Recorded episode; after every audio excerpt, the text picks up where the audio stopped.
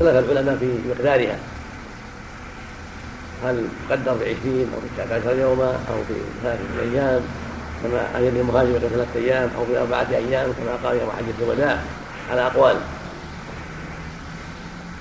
قد بسطها غير واحد من العلم. فأحسن ما قيل في ذلك تحديدها في إقامة النبي صلى الله عليه وسلم في حجه الوداع أربعة أيام. إذا عزم على إقامة أكثر منها أتم. وإن كانت أربعة أقل قصر لأن إقامة معزوم عليها في حجة الوداع قدم في الصبيحة الرابعة وخرج يوم الثامن إلى منى وعرفات هذه إقامة قد أجمع عليها وقصر فيها. فيها فالأصل فيه تمام. وما كان من فأقل فالأصل فيه القصر وهذا مذهب جماعة من العلم الشافعي وأحمد ومالك وجماعة. على اختلاف يسير بينهم في هذا. وقوم حددوا خمسة عشر. قوم حددوا تسعة عشر في مكة في مكة قالوا إن الله أنه مجمع عليها في عارضة. والمقام مقام اجتهاد واحتياط. فإذا أقام أربعة أيام فأكثر فله له كما قال الجمهور الإتمام. وإن كان أقل من ذلك فصر وأفطر وعلى هذا يجمع الاحاديث ما زاد على هذا فهو غير مقصود. وغير مجمع عليه. وما نقص عن هذا فهو داخل في المجمع عليه وله من القصر وبهذا تنتظم الأحاديث ويكون في ذلك أيضا صيانة لهذا الدين من تلاعب الناس وتعاطيهم ما ليس لهم فيه حجة ظاهرة في إفطار بغير وجه أو في قصر بغير وجه.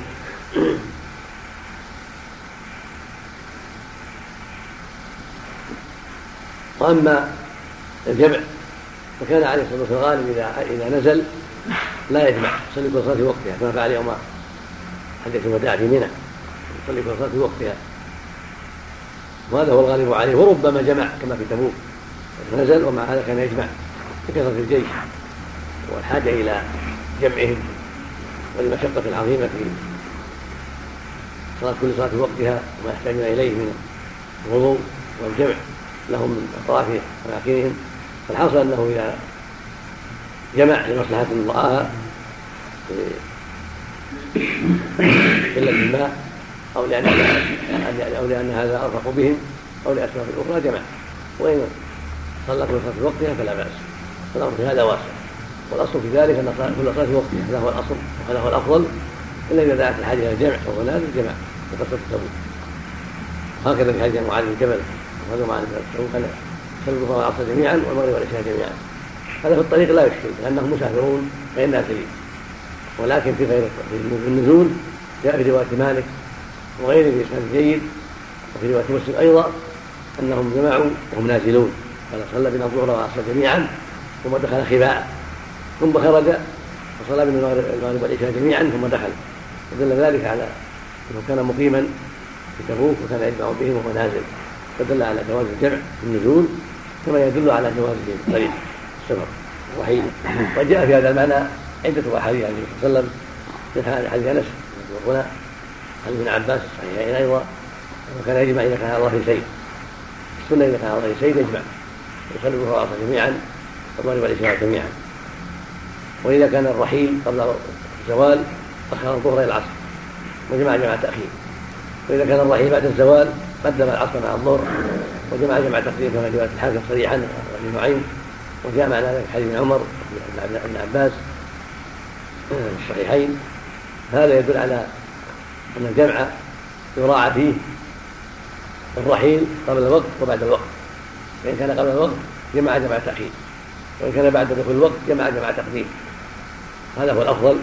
وكيفما جمع جاز جمع في وقت في منتصف الوقت أو في آخره فلا بأس بذلك.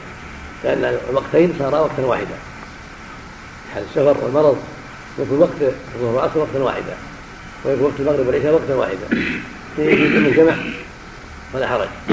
والراعي أرفق به وبمن معه. لكن الأفضل إذا أمكن أن يراعي ما فعله النبي صلى الله عليه وسلم من جمع التقديم إذا كان السير في أول الوقت وجمع التأخير إذا كان السير في في وقت قبل دخول الوقت الأول قبل الزوال وقبل الغروب. هذا هو الأولى والأفضل رعاية لما فعله النبي عليه الصلاة والسلام وعملا بعمر الحديث صلوا كما رأيتم نصلي عليه الصلاة والسلام.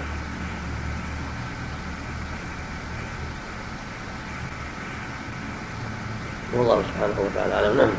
بسم الله الرحمن الرحيم. نعم. قال رحمه الله تعالى وأدى في إليها ثابت بن سعيد بن مسيب فيما يتعلق فيما يتعلق بالسفر يدل على مسائل فوائد. ابن عباس يدل على أن مسافة قصر أربعة برد هما يومان قاصدان والبريد نصف يوم وأربعة فرات والفرسخ ثلاثة أميال كما ذكره أهل العلم المسافات وأهل اللغة. فإذا كانت المسافة في هذا المقدار أربعة فرد من يومين قصرين قصر. وإن كان تقل من ذلك فلم يقصر لأن لا يسمى سفرا وهذا بالنظر إلى سير الأقدام الجمال وأشباه ذلك. ولهذا ذهب وإلى هذا ذهب جمع من أهل العلم. وعده بعضهم قول الأكثرين. لما روى عن عباس ولما جاء عند عمر أيضا في المعنى. قالوا ولأن مثل هذا يعد سفرا لبعده عن البلد وطول المسافة. بخلاف ما هو أدنى من ذلك. ولكن نزعهم آخرون وقالوا ليس في الباب ما يدل على تعيين هذه المسافة أما أثر ابن عباس فهو ضعيف في إسناده هناك الرفع والصحيح أنه موقوف كما أخرجه ابن خزيمة. والموقوف له ما يعارض. كما الحديث عن متقدم كان النبي خرج مسيره ثلاثة أميال أو فرس صلى ركعتين يدل على تحديد بأقل من ذلك. وهو الفرسخ بعد ثلاثة أميال أو ثلاث فراسخ على الروايات الأخرى التي شك فيها الراوي. وكان ابن عمر يقصر في أقل من ذلك. الروايات الأخرى عنه. وذهب جمع من العلم إلى أن المسافة يوم كامل. كما حكى المنذر عن جماعة. وقال آخرون بل لا يتحدد بشيء. من المسافات. ولكن بما يعد في العرف سفرا فما كان يحتاج إلى الزاد والطعام والمزاد والماء في عرف الناس فهذا سفر ويعد بعيدا. وما كان يخرج الناس إليه على أقدامهم أو على جمالهم ولا حاجة إلى الماء ولا حاجة إلى الطعام لأنه قريب هذا يسمى سفرا فردوه إلى العرف. لأن الرسول ما حدده بشيء.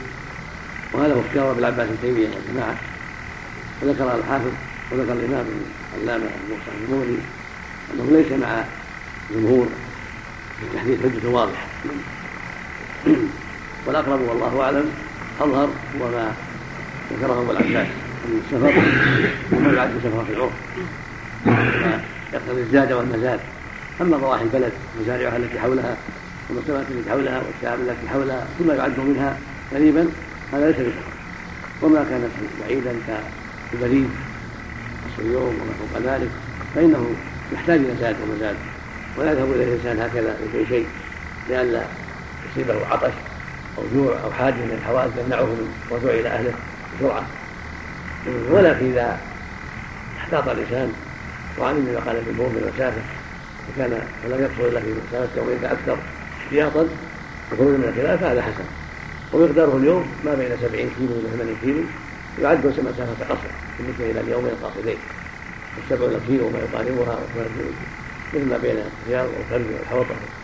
واشبه ذلك مثل ما قال النبي صلى الله عليه وسلم إلى عثمان على هذه الروايه وما بين مكه والطائف وبين مكه وجده كل هذه تقارب هذه المسافه والأصل كما تقدم هو عدم التحديد إلا بدليل واضح. وليس هناك دليل واضح. راجع وجب الرجوع إلى العرف. وما يسمى في اللغة سفرا. وما كان بعيدا عن البلد يسمى سفرا. وما كان يعد منها عرفا قريبا فليس بسفر والعصر حدث في امور ما كانت في الزمن السابق من السيارات والقطارات. وصارت هذه السيارات تجعل البعيد قريب الآن. فإذا كان ما يعد سفرا في الوقت الأول يوم القاصدين واشباهه اليوم سهل ذلك على السيارات وصارت السيارات تأتي بالقلب البعيد في مدة يسيرة. وجب الاحتياط في هذا أكثر. لوجود الآلات التي تنقل الإنسان من بلده إلى بلد أخرى بسرعة وإلى أماكن أخرى وإلى بلد بسرعة حتى يعد الزمن البعيد قريب بالنسبة إلى السيارات والطائرات وأشياء فلا ينبغي أن يلغى هذا الأمر بل يقال ما يعد سفرا بالنسبة إلى الزمن الأول يعد سفرا اليوم في يوم القبر وما لا فلا. ويتأيد هذا بأن الرسول صلى الله عليه وسلم بعث يبين للناس السفر مطلقة وأمور الدين مطلقة في وقته وفي آخر الزمان. ولم يقل إذا كان آخر الزمان صار كذا وصار كذا. ولهذا قال بعض الفقهاء إذا قطعها ولو في لحظه ويعد سفرا كما قد يقع في الآخرات في السهول في الزمن الأول. وكذا الطائرات اليوم كذا السيارات اليوم فإنها سيارات سكون البر والطائرات سكون الجو. فهذا من جنس البواخر واشباهها كما يعد سفرا بالنسبة إلى الإبل والبقر والخيل يعد سفرا اليوم بالنسبة إلى الطائرات والسيارات فإذا قطع المسافة بربع ساعة في الطائرة أو في نصف ساعة هو سفر كذلك السيارات إذا قطع ساعة أو نصف ساعة هو سفر لولا السرعه لما جاءت في هذه المسافة.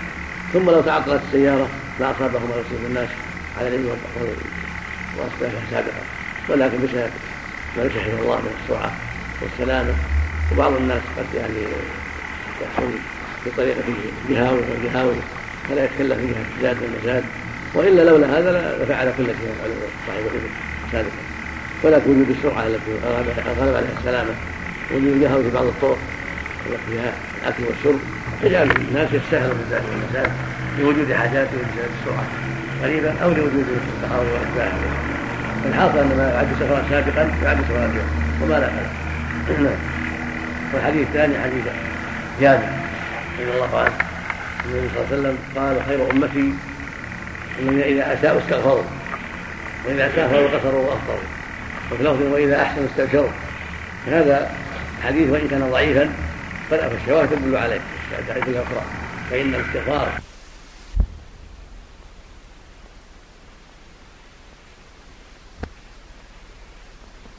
ومن الأفضل استغفار القصر والفطر كاسم النبي عليه الصلاة والسلام لا اعتماد على هذه الرواية ولكن اعتماد على حديث الصحيح كثيرا ولم اقف على مرسل سعيد عند البيهقي فلعل احدكم يعتني به وطرقه يحضر إن شاء الله. بعد عيد أو بعد عيد محمد. نعم. يقول يعتني مرسل سعيد يعتني كلام كلام عن الجامع نعم مرسل سعيد نعم. مسلم نعم أبو الأفضل من الحديث الثالث حديث عمران الحصين وهو الحسين بن عبيد الجزائي صحابي جليل وأبو الصحابي أيضا. أصابه بواتير فقال سألني عن الصلاة. فقال صلي قائما. فإن صلى فقاعدا فإن صلى على جنب رواه البخاري. زاد النسائي فإن تصرف مستلقيا هذا يدل على شرعية الصلاة للمريض على أي حال كان وأن لا يؤجلها. بل لا يجوز تأجيلها قد وقع من بعض يقع من بعض الناس تساهل في هذا الأمر ويظن أنه إذا مرض لا بأس عليه أن يؤجل ويقول إن هذا قد يكون أكمل. إذا طبت صلى صلاة كاملة قال أننا كذا كذا أستطيع الوضوء قد يكون فرائض نجس قد يكون كذا. يفتي نفسه. هذا لا يجوز. غلط بل يصلي على حسب حاله. إن استطاع الماء توضأ. وإن عايز يتيمم إن وجد الفراش الطيب صلى على الطيب ولما وجد صلى على حسب حاله. حتى ولو كان لغير القبلة. إذا ما تيسر من يصيب إلى القبلة ويجيه لكن صلى على حسب حاله في الوقت. ولا يؤجل الصلوات. بل يصلي على حسب حاله لقول الله تعالى اتقوا الله ما استطعتم. ولقول النبي صلى الله عليه وسلم بها فأتوا ما استطعتم. يصلي قاعدا ان عجل عن القيام يصلي على جنبه ان عجل عن القعود يصلي مستقبلا عجل عن الجنب على حسب حاله. وإذا كان في مستشفى مثلا جعله إلى غير قبلة ولا أطاعوه يعدلونه إلى القبلة صلى على حسب حاله إذا ما تيسر يعدل أو يعدل كثيرا كذلك إذا كان ما وجد الماء ولا يحضر له ماء أو عجز عن قيامه يتوضأ بالماء تيمم أو يضره الماء تيمم كذلك إذا كان فراش غير طيب يبني البول وفي الأشياء ولا توجد محل يصلي عليه طيب صلى على حسب حاله.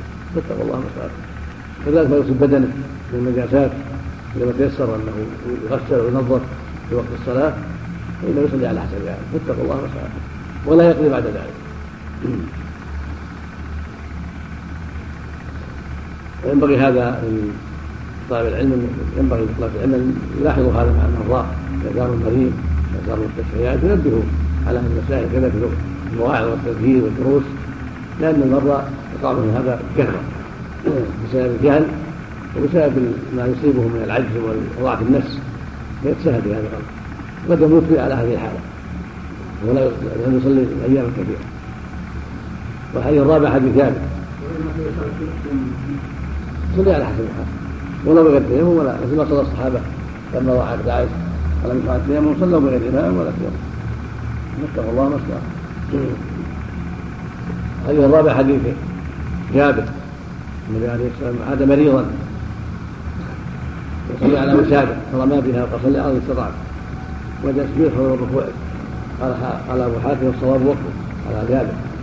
حديث هذا موضوع مرفوعا يدل على أن السنة رفع الشيء يسجد عليه. وان استطاع في الأرض سجد على الركوع أو ما ماء ولا يرفع وساده ولا غيرها ولا كرسي ولا غيره. بل يصلي إلى هواء هذه السنة. وإن كان موقوفا فالصحابة أعلم بسنة رسول الله من غيرهم. وارضاه في هذا في الهواء يركع في الهواء ويسجد في الهواء. كما يركع في الهواء هكذا يسجد الهواء اذا عجز عن السجود الأرض ولا حاجة حتى يسجد عليه ولا حاجة إلى وشهاده يرفعها بل يسجد بالهواء كما يسجد اخر من الركوع هذا هو السنة وهو الذي فعله جابر وأمر به ويروى عن النبي صلى الله عليه وسلم كما في الرواية. فينبغي للمؤمن أن يلاحظ هذا. وهكذا اذا كان صلى على راحلته السفر النافله أو عند العجز عن النزول بمرض ونحوه. يجعل السنة افضل من الركوع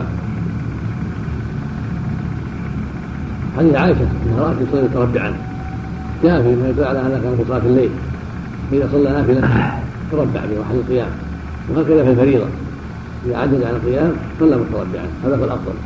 وإن صلى على حياه ليس بين السيدتين أو على أي هيئة صح. يقول النبي صلى الله عليه وسلم في حديث عمران يصلي قاعدا ولم يقم متربعا ولا مفترشا ولا متوركا فدل ذلك على إجزاء القعود مطلقا. صلى قاعدا أو مفترشا أو متوركا أو مستوفزا حياة الحبة أو متربعا كله يجزي. أي قعدة قعدها أجزأت عند العجز عن القيام أو في النافلة. ولكن كونه يصلي متربعا أفضل في محل القيام هذا هو الأفضل لما ذكرت عائشة رضي الله عنها. والله أعلم زيادة المسائل. نعم. زيادة المسائل. نعم. العمران لا لا مش لا نعم. رواية الشيخ الإيمان بالعين الإشارة نعم. معنى ذلك. نعم. نعم. سنة السفر على الراحلة. على الراحلة. كان النبي تعالى بعيد عليه الصلاة والسلام. نعم الله عليك الفطر يقاصر في اختلاف يعني سفر الطاعة سفر المعصية والنزهة الجمهور يرون ما يسافر المعصية. لو سافر لقطع الطريق أو لشرب الخمر أو ليزني الجمهور يقول لا يقصر وذهب ابو حنيفه والجماعة إلى أن القصر مطلقا. يعم الادله النساء ما في مانع ما مانع مباحه نعم المسافر إذا صلى فرضا ثم أتى النفس يصلي نافلة واحدة ان صلى معه هو افضل ان صلى معه ولا يقبل شيء لكن اذا حضر المسجد صلي معه لا افضل الحمد لله باب صلاه الجمعه الجمعه بدل من الظهر. وهي فرض وقتها. وإن الله جل وعلا فرض خمس صلوات في منهن هي الجمعة في يوم الجمعة. وهي فرض عين عند عامة أهل العلم. كالظهر وكبقية الصلوات الخمس. ولها فضائل. هذه الصلاة لها فضائل. جاءت الأحاديث. ومن جملتها أن العبد إذا مكر إليها وأداها كما شرع الله وكان ما بينه وبينها وبين الجمعة الأخرى فضل ثلاثة أيام. فلها فضائل وخصائص وليومها كذلك كيما الظهر فهي فرض عظيم ولها ثواب جزيل ولها أحكام ولهذا اخرجها العلماء بباب خاص. وتسمى في الجاهلية العروبة يوم العروبة الجمعة يوم العروبة. ويقال لها جمعة بضمتين جمعة في التسكين جمعة باليمين بهمسة ومشهور الأول جمعة بالضم ضم والميم وسنة في ذلك الاجتماع فيها لأنها يجتمعون ولهذا قيل لها جمعة. ويحتمل أن سنة في ذلك كما قال بعض السلام أن الله جمع فيها خلق آدم خلق يوم الجمعة ابن عمر وابي هريره رضي الله تعالى عنهم. أنهما سمع النبي صلى الله عليه وسلم يقول على على منبره ويبين يبين أن هذا القول بعدما صنع لها المنبر من الأعواد. وانه متاخر هذا القول بعد هذا الوقت الذي صنع المنبر له عليه الصلاة والسلام. كان أول يخطب عند جذع يقوم عنده فيخطب يتكئ عليه. ثم أمر غلاما من بعض نساء الأنصار فصنع له هذا المنبر فقام عليه. فحل الجيد حنينا عظيما سمعه الناس حتى نزل وجعل يغدئه فحده هذه من آيات الله سبحانه وتعالى. مقصود أنه صلى الله عليه وسلم خطب الناس وقال لا ينتهن أقوام عن ودعهم الجمعة فودع الترك ودع ودع كذا ترك. أو لا يختمن الله على قلوبهم ثم لا يكونن من الغافلين. خرج مسلم الصحيح. هذا يدل على عظم فرضيتها وشدة الحكم فيها وأن أمرها عظيم وأن تاركها قد تعرض بالطبع على قلبه وخفي على قلبه.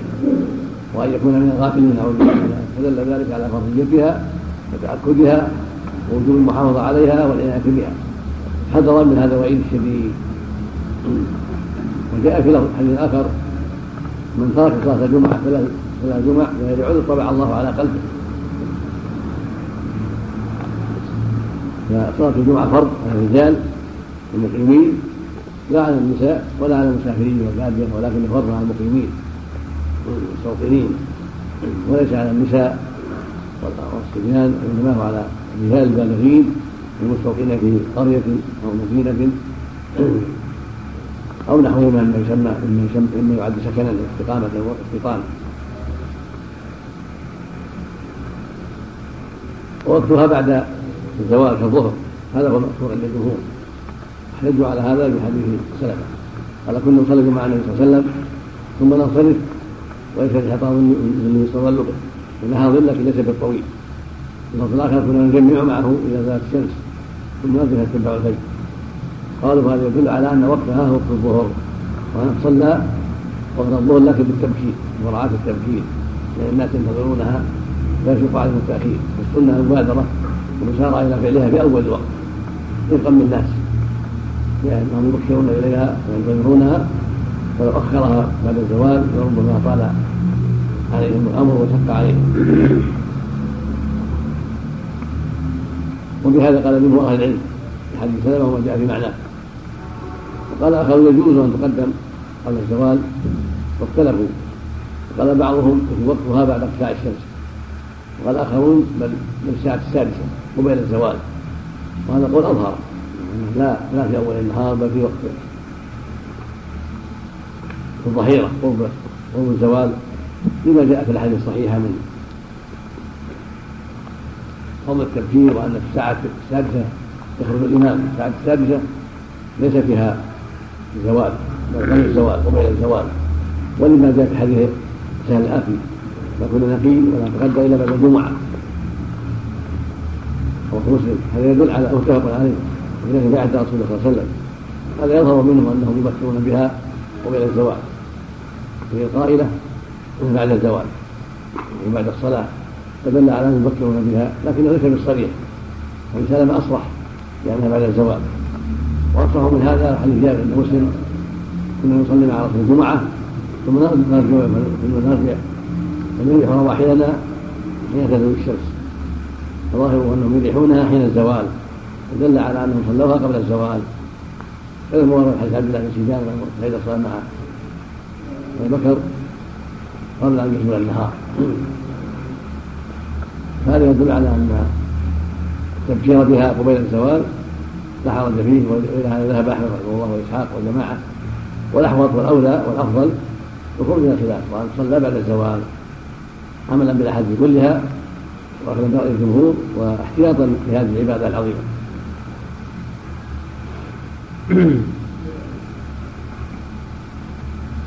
الحديث الرابع حديث جابر بن عبد الله الأنصاري رضي الله تعالى عنهما صلى مع النبي صلى الله عليه وسلم ذات يوم كان يصلي بالناس قائما يوم الجمعه وجاءت يوم فاتى الناس إليها فكان يبقى إلا 12 رجل رجل مسلم.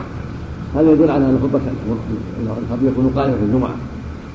في الآية الكريمة وتركوك قائما فالسنة والمشروع أن يصلي أن يخطب قائما كما يصلي قائما. ولا ينبغي الجلوس فأقل أحوال الكراهة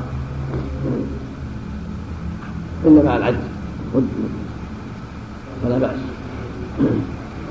وفي هذا أن أن النبي صلى الله عليه وسلم كان يخطب ذات يوم ذات يوم من الشام العيد في الإبل التي تحمل المتاع تجارة تطلق على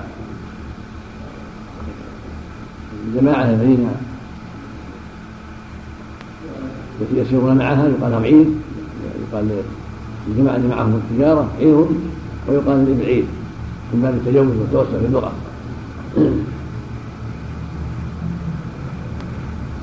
ففتى الناس إليها حتى لبغى لك عشر رجلا الظاهر والله أعلم أنهم انفتلوا إليها قبل أن يعلموا الحكم الشرعي في وجوب البقاء وسماع الخطبة فظنوا أن هذا جائز وكان من مجيء العلم من الشام والتجارات من الشام وقف في نفوس الناس لقلة المال الوحيده وغلبة الحاجة وكان مجيء التجارات له أثر في النفوس ولهذا انفتل الناس إليها ليشتروا وينظروا. وقال بعضهم كان هذا قبل أن تكون الخطبة في أول الجمعة قبل الصلاة كما كانت بعد الصلاة. وروى هذا أبو داود المراسيل الخطبة كانت في أول الأمر بعد الصلاة وأن الحال هذه وقعت إذا كانت الخطبة بعد الصلاة. وظنوا أنهم غير ملزمين بسماعها لأن الصلاة انتهت. وهذا فيه نظر لأن رواية لأن المراسيل لا حجة فيها ولا تقوم بها حجة لو صح سندها فالأقرب والله أعلم مثل ما تقدم أنهم ظنوا أن هذا لا حرج فيه ولا بأس به. فلهذا التفتلوا إلى جارة والنبي يخطب بظنهم أن هذا شيء لا حرج فيه. فعاب الله عليهم ذلك وأنكر عليهم ذلك. فلم يعودوا بمثله. وجاء في رواية أخرى كمسلم أن من جملة الاثنى عشر باقين من جملتهم ابا بكر وعمر رضي الله عنهما كان الاثنى عشر الذين بقوا ولم ينفتحوا وفيه دلالة على أنه لا بأس أن أن تكون الجماعة في الجمعة من عشر لا حرج في هذا لأنهم فتلوا وتركوا أن يخطب فدل ذلك على أن حضور ابن عشر ابن عشر كافي وأنه لا يشترط الأربعون في حضور الجمعة ولا يحضر الخطبة وهذا وإن كان ظاهرا في اثني عشر لكن أدلة دلت على أنه لا بأس بأقل من ذلك أيضا وأنه ليس هناك دليل ظاهر على فرضية الاثنى عشر ولا فرضية الأربعين. وحديث الأربعين ضعيف. والصواب أنه يجوز أن تقام الجمعة في أقل من أربعين بل في ثلاثة كما ترى هذا بعض أهل العلم ترى شيخ الإسلام ابن تيمية لأنهم جماعة. فإذا وجد في مصر أو قرية ثلاثة فأكثر شرع لهم. صلاة الجمعة. لما فيها من الخير والفضل والتذكير بالله وإقامة هذه الشعيرة العظيمة هذا هو الأرجح وقال قوم أربعة. قال قوم أكثر من ذلك. في هذا خلاف كبير. ولكن أرجح أن أقل عدد ثلاثة. هذا هو الأرجح وإذا كان فوق ثلاثة فأولى وأولى. وليس على على شرط الأربعين. حجة قائمة. والحديث مستدل في هذا مرات السنة أن يكون بين الجمعة ولا يأتي إن شاء الله. ليس ليس بجيد ولا ضعيف الإسلام.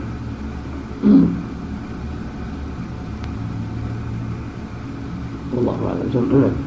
نعم نعم نعم. كل نعم الإمام واثنان الإمام. نعم قال رحمه الله تعالى مالك رحمه الله. وعن ابن عمر رضي الله تعالى عنهما أن النبي صلى الله عليه وسلم قال من أدرك ركعه من صلاه الجمعه وغيرها فيضيف إليها أخرى تتم صلاته خرجه النسائي بن مالك والدرغوطي واللفظ له واسناده صحيح روى أبو حاتم الرساله هذا الحديث يدل على أن الجماعه تدرك الجمعه تدرك في ركعه كما تدرك فضل الجماعه في ركعه وثبت في الصحيح عن النبي عليه الصلاة والسلام انه قال من أدرك ركعه من الصلاه فقد أدرك الصلاة. هذا يدل على أن من أدرك ركعه من الجمعة فإنه أدرك الجمعة. يضيف اليها أخرى وتم الصلاة. أما إذا كان أدرك أقل من ذلك فإنه يصلي ظهرا ولا يصلي جمعه لأنه لم يدرك ركعه وهذا الحديث وإن كان أبو حاتم قوى رسالة لكنه يتأيد ويتقوى بما رواه الصحيح عن أبي هريرة. وهو البخاري الصحيح عليه الصلاه والسلام قال من أدرك ركعه من الصلاه فقد ادرك الصلاة. عام يوم الجمعة وغيره.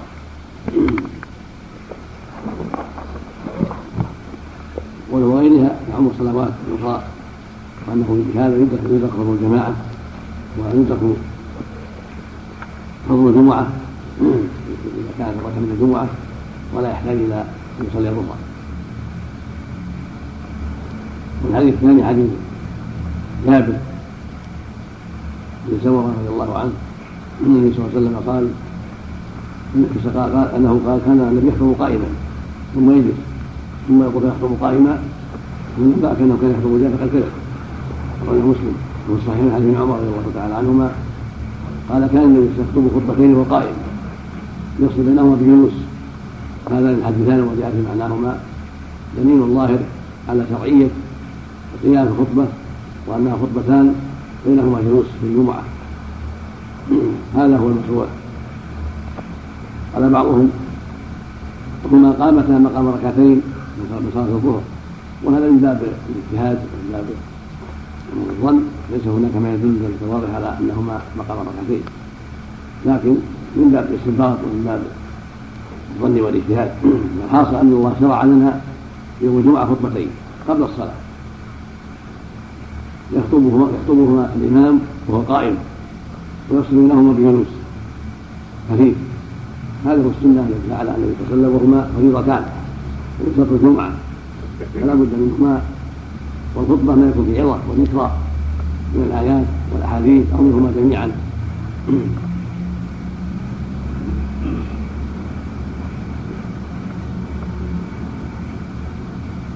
والواجب على المسلمين أن يحضروهما لأن المقصود تذكيرهم بها.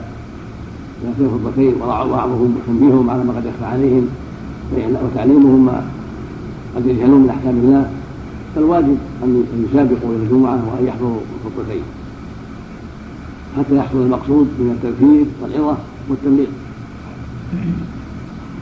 أما حديث أنه خطب على وهو جالس وحوله أصحابه قال العلم عن ذلك إنه كان في غير الجمعة. كان في الخطب العادية والوعظ العادي الذي في غير الجمعة. قد يخطبه وهو قائم قد يخطبه وهو جالس عليه الصلاة والسلام. الخطب العادية التي غير غير الجمعة. أما في الجمعة فلم يحفظ عنه الا أنه كان يخطب وهو قائم عليه الصلاة والسلام. فلا ينبغي أن يخطب وهو جالس مع قدرة. قد قال صلوا كما رأيتم اصلي فظاهر الأدلة وجوب القيام في الخطبه في الجمعه قد قال بعضهم بانه سنة وليس بواجب؟ ولكن ظاهر الأدلة وجوب ذلك مع قدرة لأنه واظب على هذا وقال صلوا كما رأيتم يصلي فلا ينبغي الجلوس بل ينبغي المؤمن الامام أن يتحرى على الشيء وأن يحرص عليه. وأن يكون بينهما جلسة خفيفة فاصله وفي حديث جابر والسابع وكان نصر هذا دلالة على أن الخطيب يعتني بالخطبة. ويجزل ألفاظه ويرفع صوته ويغضب. غضبا يليق بالمقام ليكون ذلك أشد في التأثير. واكمل في الانتفاع فإن الخطبه الميته الضعيفة لا تؤثر القلوب ولا يحصل بها المقصود. لكن مع قوة في الكلام والجزاله في الكلام والإيضاح في الكلام والغضب في الكلام يتأثر السامعون وينتبهون ويذهب عنهم النعاس ويعنون بما يسمعون. ولهذا كان اذا خطب فمرت عيناه وعلى صوته اشتد غضبه حتى كأنه من دون جيش يصبحكم العدو أو يصبحكم العدو. وكان يبدأ بحمد الله والثناء عليه ثم يقول أما بعد ثم تقدم الخير والثناء هذا هو السنة يكون جزلا في الكلام قويا في الكلام رافعا صوته ينبه الغافل ويطيل النعاس عن الناعس ويحصل به جمع القلوب ولفها إليه حتى تصغى وتعين ما يقال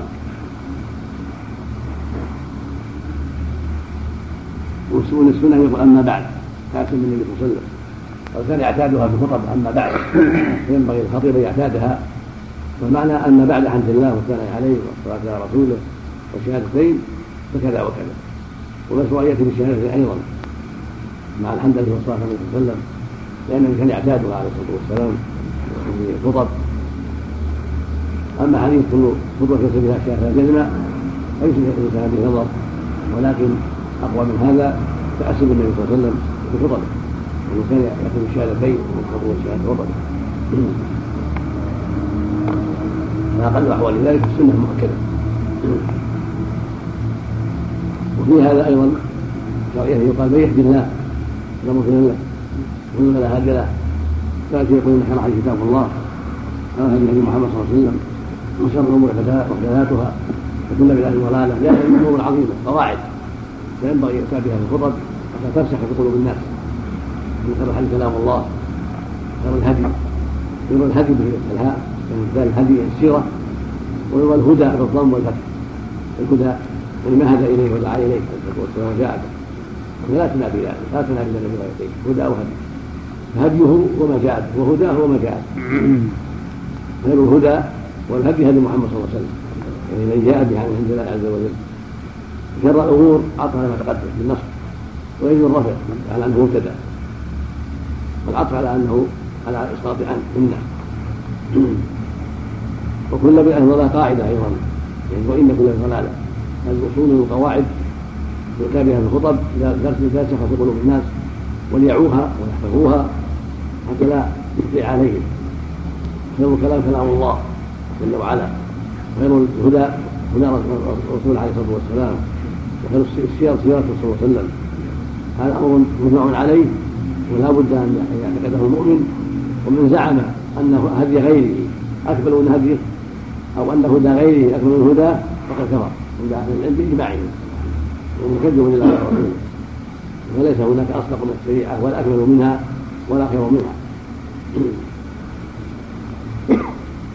أما قوله في كلها في النار فلم أقف على اسنادها لعلها بعضهم ولعل يتيسر يقول على اسنادها نعم نعم وفي سنن المساجد ما ولكن نراجعه قريبا ان شاء الله نعم نعم الحديث الرابع حديث عمار بن ياسر النبي صلى الله عليه وسلم قال ان طلقات الرجل وقصاص خطبته لئنة من الفقه لأن الدلالة على الفقه قال زاد مسلم تمام الحديث فأطيلوا الصلاة وأطيلوا الخطبة لكن ينبغي المؤلف أن يأتي بهذه الزيادة يعني إن كان الحديث مفيدة ولكنه غفر الله له لم يكذب هذا كماله فأطيلوا الصلاة وأطيلوا الخطبة وإن من بلال لسحرا هذا من هذا كلام حديث عمار ويدل على شرعية قضاء الصلاة وتقضي الخطبة لئلا يمل الناس ويضعفوا.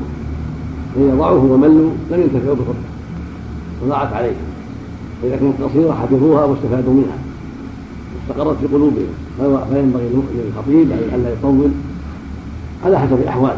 كل مقام له مقال قد يحتاج يطول بعض الشيء لكن لا يعد طولا إذا دعت الحاجة إليه. الحاصل أنه يراعي أحوال المؤمنين فلا يطول عليهم تطويلا يشق عليهم ويملهم. بل يغلب على الخطبة التقصير وعدم الإطالة بقدر الحاجة. وهكذا خطب النبي صلى الله عليه وسلم كانت يغلب عليها الاختصار وعدم التطويل الذي يمل الناس. من يتكلم يتكلم بكلمات لو عدها العبد احصاها وحفظها وقد يطيل بعض الاحيان للحاجه يخطب خطبه طويله تدعو الحاجة اليها وهكذا في حديث ام هشام انها حفظت فرق كثير من الرسول صلى الله عليه وسلم المنبر كل جمعه هذا ان تكون الحاجة بما فيه من العظه ذكرى كذلك ما جاء في عدة أحاديث أنه فطر ذاك يوم صباحا إلى الظهر ويوم إلى العصر والعصر إلى المغرب هذا هذا شيء عام بين فيه النبي صلى الله عليه وسلم أمور أمور الدين وما يكون في آخر الزمان حتى دخل أهل الجنة الجنة وأهل النار النار.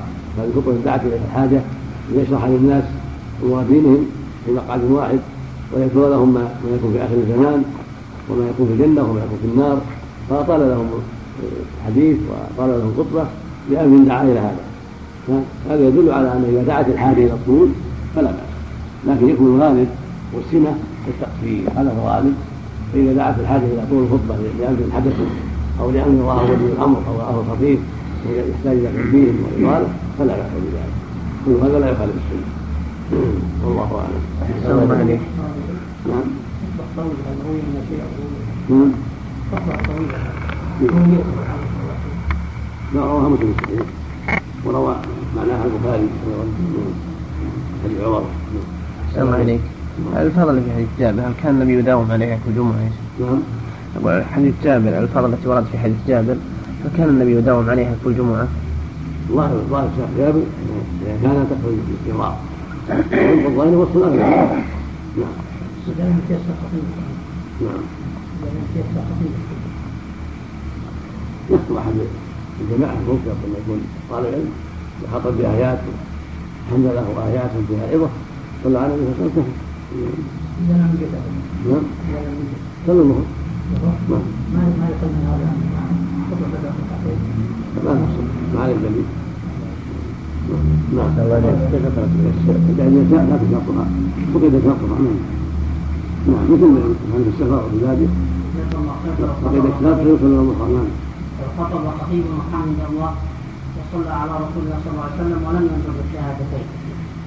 الظاهر تصح الارجح تصح نعم لأن ترك سنه مؤكده ومن قال بانها شرط فنحن نظر الله لو اراد انسان ان يعني لم يدرك من صلاه الجمعه الا ركعه وتمها اربعه. ما يجزي. واجب ان يصلي الجمعه. واجب ان يصلي الجمعه نعم. ما يخير نعم. ما يخير بين يعني الاتيان بالركعه الثانية أو الاتيان الوقت الجمعه فرض الوقت. أو الجمعه فرض الوقت. يصليها نعم. يعيد يا شيخ؟ نعم. يعيد. جنس هذه الصورة يعيد.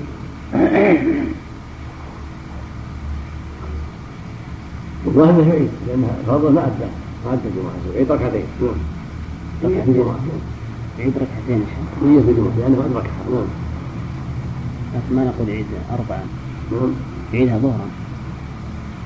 لأنه ما أدركها يا شيخ. اللي أدركها يعني فوتها. فيكون كمن لم يدرك. يعني ادركها فيقضيها كما ادركها بخلاف ما ادركها يصلي مره أما هذا فقد سمعت شيئا افضلها ويحتمل ان يقال تجزئه زيادة من مثابه زيادة من الناس. الجاهل قد يقال تجزئه من هذه الحيثية. لأنه زاد زيادة يهدي ظن أن هذا هو الواجب عليه مثل لو صلى مثل لو صلى الفجر اربعا. ناسيا. قام قال النسيان وصلى اربعا وفرض عليه انه مثل السهو النسيان اما هذا جاهل. ظن انه هذا هو الواجب هذا الواجب. فلعلها تجزئه ولعل هذا هو الأقرب والله أعلم. لعل هذا تجزئه لأنه حمله جهل على الزياده فالجهل والنسيان لا لا يمنع عن صحة ما وقع نسيانه وصار في سجود السهو والذي لا سهو فيه فاجزاء هذا هو الأقرب الله أعلم. تأخيرا هذا فقط نعم. قال بعضهم من يهده الله. الآية الثانية من يهده زيادة على الآية؟ هذه مقصود به الآية. هذا خاطب كلام لا لا. من يهد الله فهو معنى الآية. إلا فيها آية. من يهد الله فهو المهتدي. هو مقصود الآية. هو بيتلو آية هذا من كلام النبي. الله ليس يتلو آية لكن الكلام الذي جاي فيها من يهده الله ولا غير الآية نعم هي زيادة. غير الآية. ما قال قال الله قراءته لسورة في الأولى. ما في تفصيل. أو ما في تفصيل. حديث الحديث ما في تفصيل. الأولى وفي الثانية أو يقسمها في الاولى وقراءتها الثانية لأن الاشهاد لم تفصل بما ذكر المؤلف يمكن تتبع التفسير وآياتها في الأسانيد يمكن يفهم الشيء تتبع الروايات. لكن رواية السورة هذه قد نعم هل جاء أنه قرأ غير قاف هل جاء أنه قرأ غير قاف قرأ سورة الروم لا أقول لا أعلم لو قرأ الإمام في الخطبة فقط هذه السورة فتح بالحمد وقرأ هذه السورة ثم أنهى خطبته. صلى على النبي صلى الله عليه وسلم نعم. فيها عظة عظيمة أو فيها عظة عظيمة الراجح من أقوال أهل العلم في في دخول صلاة وقت صلاة الجمعة. الأرجح أنه يجوز في الساعة السادسة قبل قبل الظهر. لكن بعد الزوال أولى وأفضل خروج من ثلاثة علماء حديث عمار عمار ما أقيموا الصلاة وأقصوا الخطبة. ما أقيموا الصلاة وأقصوا الخطبة وإن الأذان مثل هذا نعم. الله نعم تقسمها بركعتين هو ما جاء وأنا مخير إن شاء الأولى تقسمها بركعتين هو ما جاء وأنا مخير إن شاء قرأ في الأولى إن قرأ ثانية حسنا الأمر واسع أحسن الله عليك تعمد ترك خطبة الحاج نعم تعمد ترك خطبة الحاج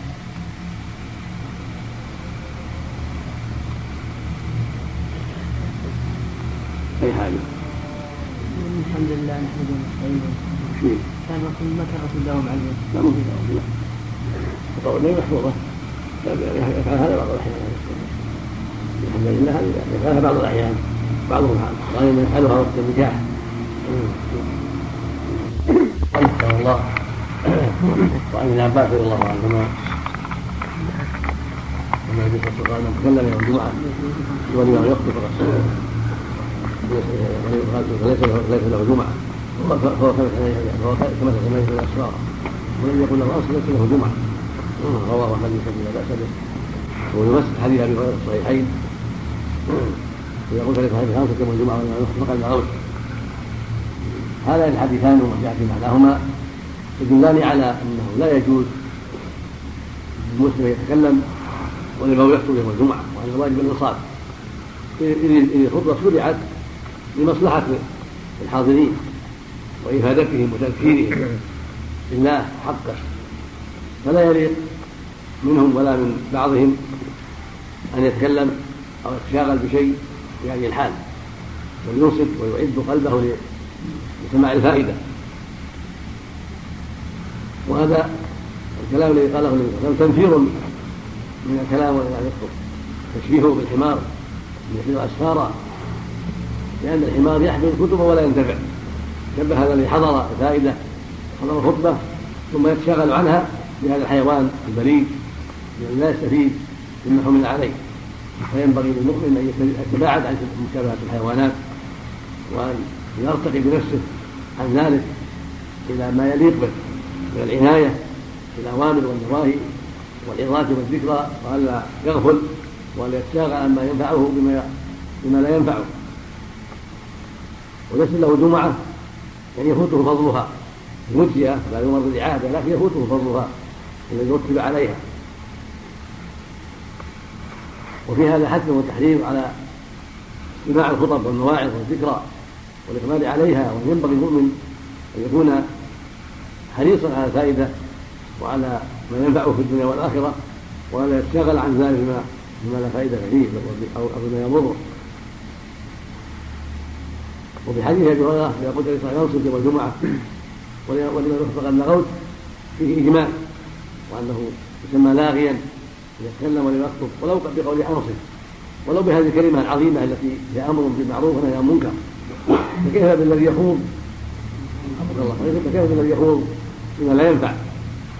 إذا كان من قال أنصت وأمر بالمعروف يعد لاغيا غيرهم لا بأولى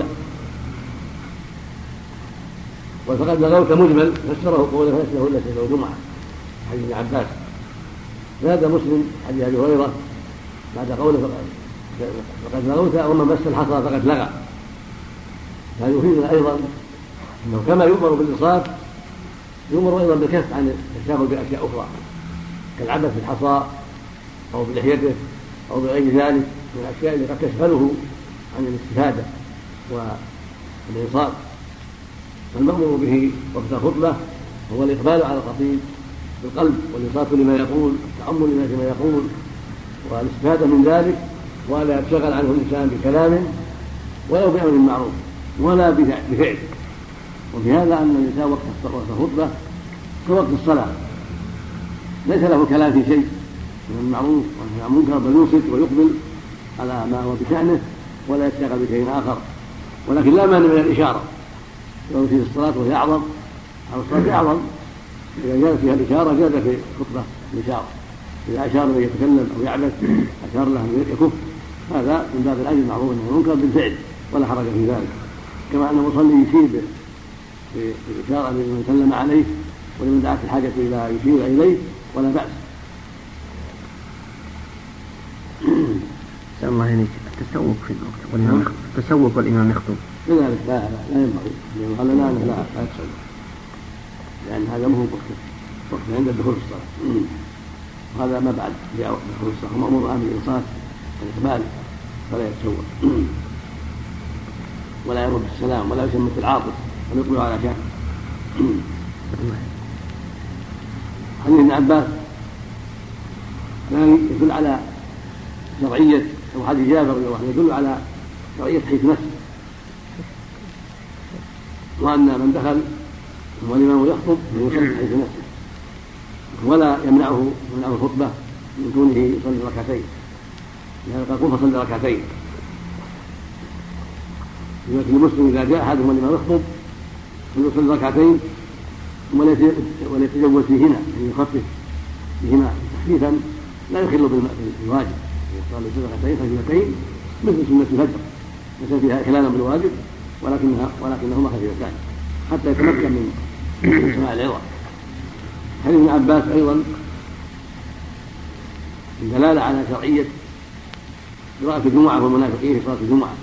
ويستحب أن يقرأ بهما في صلاة الجمعة. الجمعة في الأولى والمنافقون في الثانية. وهكذا روى أبو هريرة عن النبي صلى الله عليه وسلم مثل ما حديث عباس رواه مسلم أيضا. قراءة السورتين. وجاء في حديث النعمان قراءة الجمعة الأولى والغاشية في الثانية. وجاء في حديث النعمان أيضا قال يسبح والغاشية. هذه ثلاث سنن صلاة الجمعة. السنة الأولى الجمعة والمنافقون. السنة الثانية الجمعة وهذا فتح الواجب. السنة الثالثة السبح والغاشية. يصحب له يقرأ بهذا تارة وهذا تارة وهذا تارة. ولو قرأ بغيرهما فلا بأس. لكن تحري فعل النبي صلى الله عليه وسلم أولى وأفضل حتى يوافق فعله بقراءة وغيرها عليه الصلاة والسلام.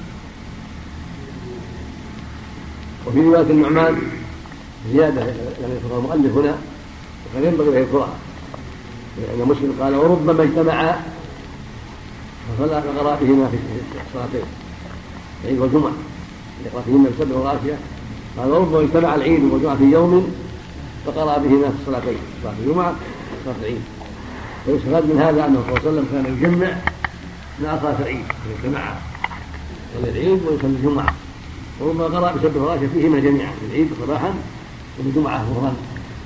فدل ذلك على أن هذا لا بأس به وأنه من المشروع أن يقرأ بهما في العيد والجمعة وأن السنة أيضا يصلي الجمعة الإمام ولا يدعها بل يصليها ولهذا في حديث أبي هريرة وإنا مجمعون.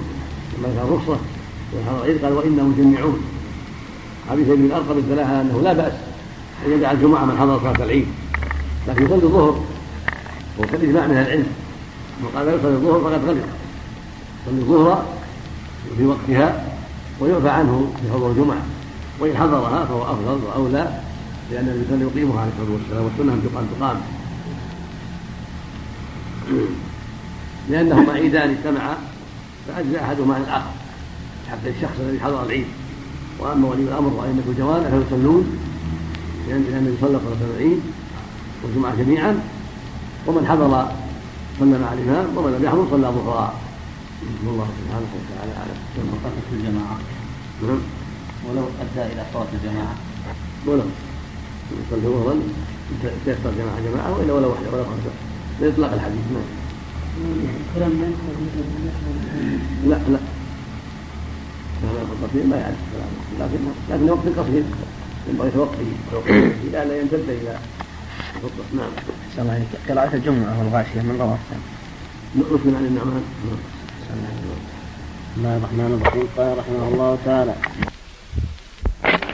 هذه الأحاديث تتعلق بالجمعة أيضا. الحديث الأول الدلالة على شرعية صلاة أربع ركعات بعد الجمعة أنه يستحب أن يصلى بعدها أربعة وهذه راتبة لهذا قال إذا صلى أحد يصلي بعدها أربعة بلفظ من كان مصليا بعد الجمعة يصلي أربعة هذا يدل على شرعية الأربع. والله إطلاقا لا فرق بين كونها في المسجد أو في البيت. يعني السنة أربع. لأن أمر بها ودل ذلك على أنها السنة. وكان يصلي ركعتين في بيته بعد الجمعة كما ثبت هذا في الصحيحين عن عمر. اختلف أهل العلم في هذا. فقال قوم صلاها في المسجد صلى أربعا وإن صلاها في البيت صلى اثنتين. جمع بين الروايات. وقال آخرون أقلها اثنتان وأكثرها أربعة. ولا فرق بين كون يصليها في البيت أو في المسجد. وهذا قول أظهر لأن القول مقدم على الفعل. قد يكون صلى ركعتين لأنها عندها في البيت وقد يكون أراد التخفيف والتسهيل على أمته عليه الصلاة والسلام. قد يكون هذا قبل أن يمر بالأربع فالأولى والأفضل في هذا فيما قال الجمع قلها اثنتان وأكثرها أربع كما قال النبي صلى الله عليه وسلم. الأربع أفضل لأنها أكثر عملا ولأن يتعلق بها الأمر. سواء فعلها في البيت أو في المسجد. والحديث الثاني حديث معاوية لأبي سفيان رضي الله عنهما أنه رأى أن قال بن يزيد إذا صليت الجمعة فلا فلا تسهى بصلاة حتى تتكلم وتخرج فإن الرسول صلى الله عليه وسلم نهى عن ذلك. هذا يدل على أن السنة من صلى صلاة صلاة فريضة ألا يصلها بصلاة. أخرى لئلا يوهم أنها شيء منها. فيكون وصفها بها موهما لأنها تابعة له جزء منها. بل لابد من فصل. بكلام أو خروج من المسجد فإذا تكلم بالاستغفار أو بالتسبيح أو لا حول ولا قوة إلا بالله أو بشيء من ذكر الله فصلت. أما بعدها فلا يقول النافلة حال ما يسلم من الفريضة بل يفصل بينهما بالذكر الشرعي ثم يصلي النافلة. أو بالخروج إلى خارج المسجد فيصليها في بيته حتى لا تكون هناك شبهة في وصل هذه بهذا